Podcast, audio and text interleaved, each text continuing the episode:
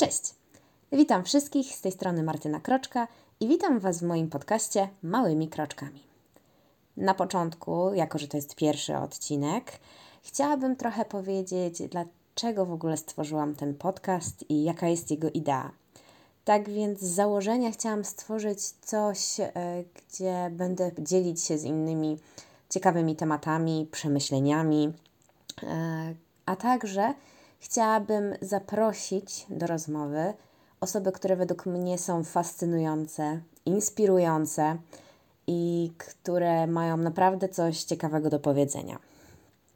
Uważam, że znajomość takich ludzi jest naprawdę czymś niezwykłym, ponieważ napędza do działania, motywuje, pokazuje, że da się osiągnąć sukces i czasami nie trzeba do tego nie wiadomo jakich e, zasięgów czy, e, czy też środków finansowych, wystarczy pomysł. E, między innymi taka myśl naszła mnie po ostatnim kursie kreatywnym, który brałam udział. I sądzę, że to był dla mnie taki punkt wyjścia i taki punkt, który ostatecznie pchnął mnie ku temu, by właśnie zacząć nagrywać. Tak więc tyle tytułem wstępu i zacznijmy nasz dzisiejszy temat, którym jest Lean. Lean jest to sposób zarządzania wywodzący się ze środowiska przemysłowego. Jednak jego zastosowanie jest dużo szersze. Można go wykorzystywać zarówno w usługach i życiu codziennym. Postaram się pokrótce przedstawić Wam niektóre zagadnienia i mam nadzieję, że zachęcę do zgłębienia tematu. Na początek e, zacznijmy od Kaizenu. Kaizen, czyli ciągłe doskonalenie. Termin wywodzi się z języka japońskiego i stał się filozofią, a także fundamentem dla działań Toyoty. Opiera się na założeniu, że zawsze możemy być lepsi, szybsi, wydajniejsi itd. Tak Ważne jest przy tym, by ciągle się rozwijać i doskonalić. Nie chodzi tutaj, by od razu rzucać się na głęboką wodę i radykalnie zmieniać całe życie, bo takie działanie najpewniej będzie krótkotrwałe. Lepiej jest stosować metodę małych kroczków. Zacząć od jednej rzeczy, którą chcemy zmienić i stopniowo ją udoskonalać. Przykładem może być to, że chcemy zacząć prowadzić zdrowszy tryb życia.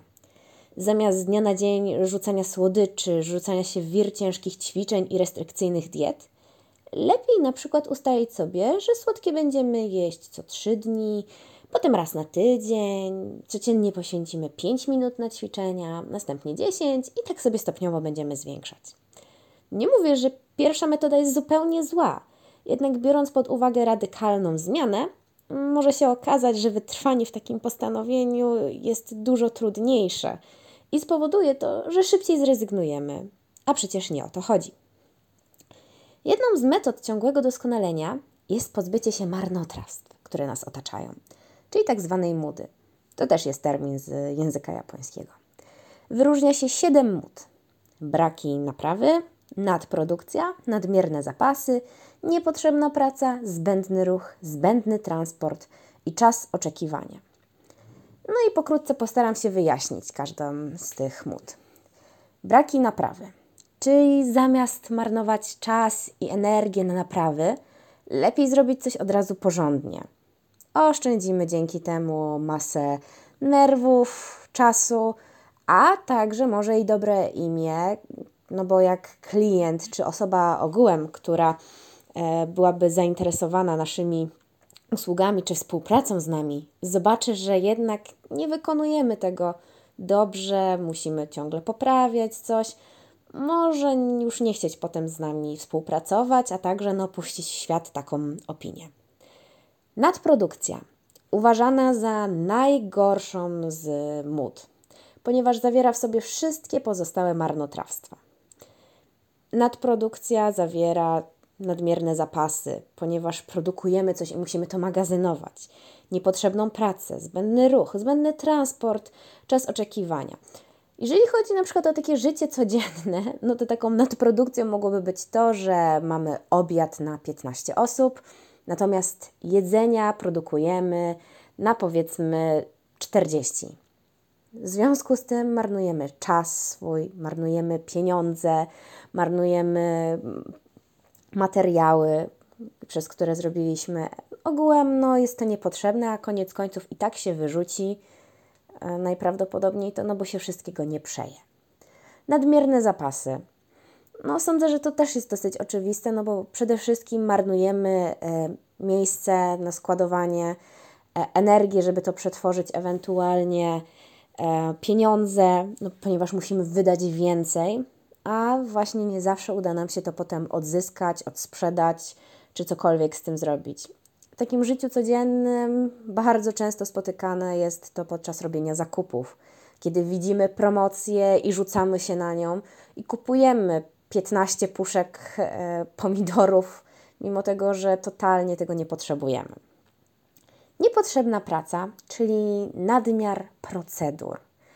I to szczególnie widać w niektórych korporacjach, urzędach, kiedy musimy, żeby coś zatwierdzić, przejść przez cały ciąg kilku, kilkunastu osób, uzupełniać nie wiadomo ile formularzy, wysyłać je, dzwonić i, i wszystko naraz. No, po prostu jest to zbędny czas, energia i tego typu rzeczy. Lepiej wszystko sobie ułatwić. Procedury są ważne, ale żeby nie było ich nadmiaru.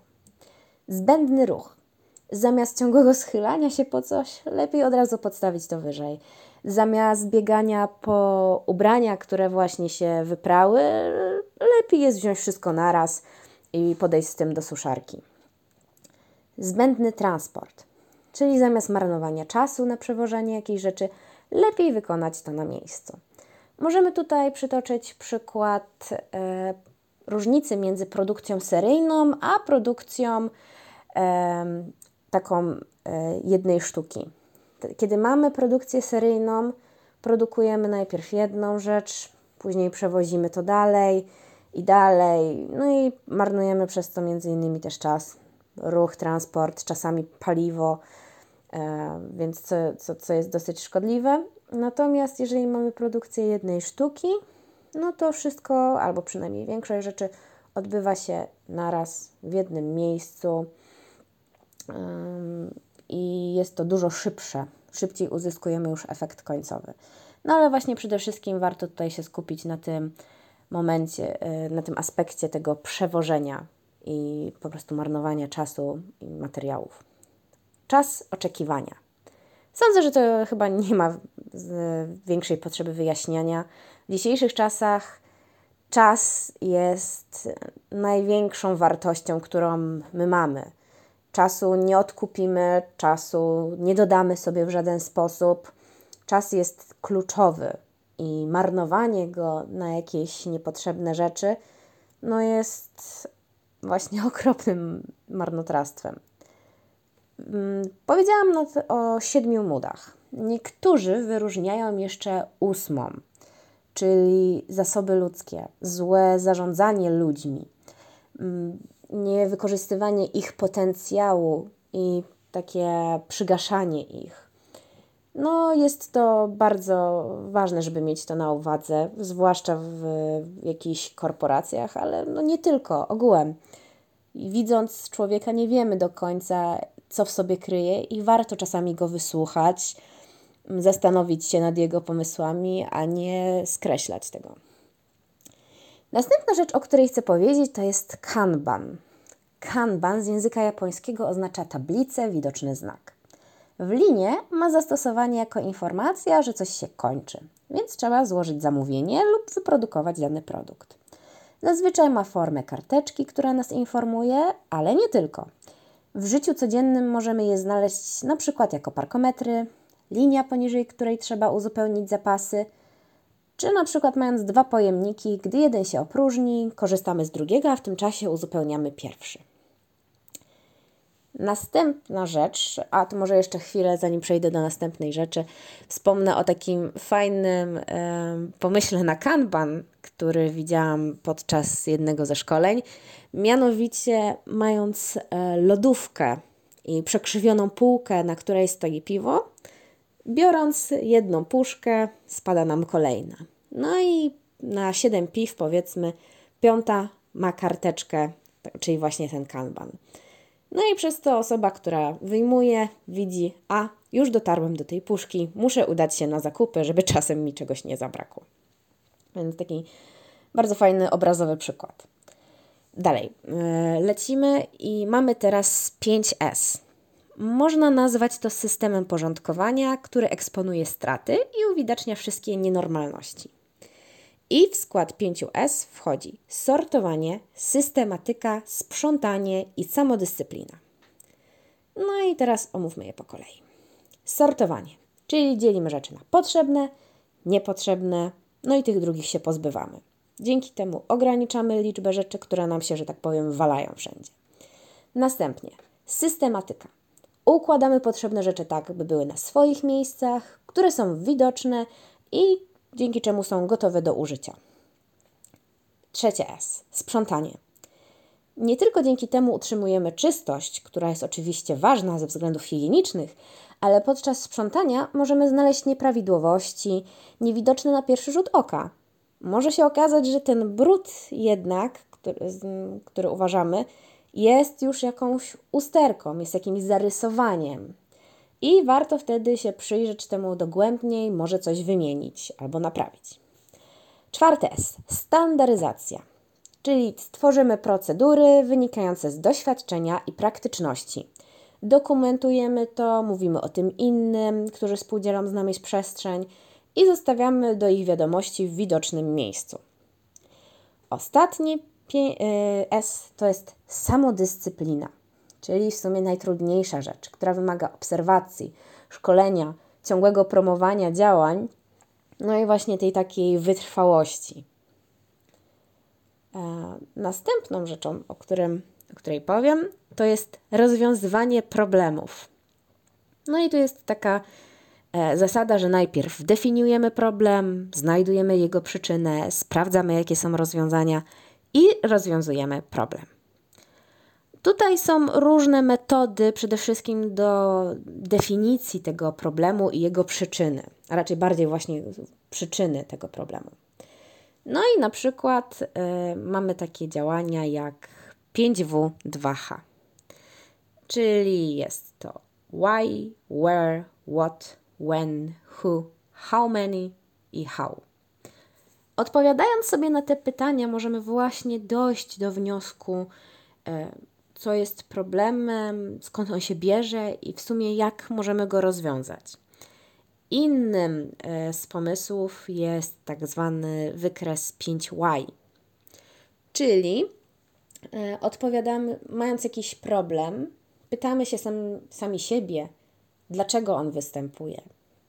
Kiedy mamy odpowiedź, zadajemy jeszcze raz, dlaczego to jest z kolei. No i zadajemy tak te kolejne pytania, aż dojdziemy już do takiej części, której się już bardziej nie da rozebrać na mniejsze czynniki. Podobnie działa właśnie diagram przyczynowo-skutkowy zwany diagramem Ishikawy. Tutaj mamy takie e, kilka rzeczy, na których musimy się skupić, żeby właśnie wydobyć sobie tą przyczynę i skutek. I rozważamy e, takie rzeczy jak człowiek, metoda, maszyna, materiał, środowisko, zarządzanie i to wszystko daje nam wynik tego, co zawiniło, jak to naprawić. Ostatnią rzecz, którą chcę dzisiaj powiedzieć, jest to pokajoke, czyli tak zwane zabezpieczenie przed niebezpieczeństwem, popełnieniem błędu i tego typu rzeczy. I tutaj wyróżniamy takie do kontroli, czyli takie mechaniczne zabezpieczenia, a także do ostrzegania. Takie najprostsza rzecz, jaka może być, no to mając butelkę z lekiem, mamy to zabezpieczenie przed dziećmi. Jest to zabezpieczenie mechaniczne, tak na dobrą sprawę, żeby dziecko tego nie otworzyło i nie wypiło, nie zjadło zawartości. Innym e, przykładem takiego pokajoke jest e, kolanko e, pod zlewem, gdzie jeżeli nam coś spadnie, jakiś pierścionek, no to się zatrzyma.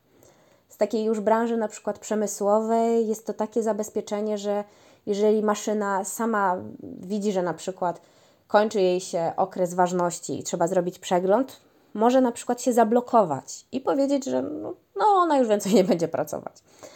czy na przykład system dźwiękowy, że wykryje jakieś niebezpieczeństwo i zaczyna nam lampka migać, jest sygnał dźwiękowy. No, ogółem tych przykładów jest bardzo wiele i można je znaleźć zarówno w przemyśle, usługach, jak i w życiu codziennym. To by było na tyle. Mam nadzieję, że spodobał Wam się ten odcinek, że jesteście chętni na kolejne. E, dla mnie to było dosyć ciekawe doświadczenie i mam nadzieję, że będę to kontynuować. Dajcie mi znać w jakiś sposób, jeżeli Wam się coś podobało, albo jakbyście chcieli jakiś rozwinąć temat. No i w sumie to tyle. Do usłyszenia. Cześć!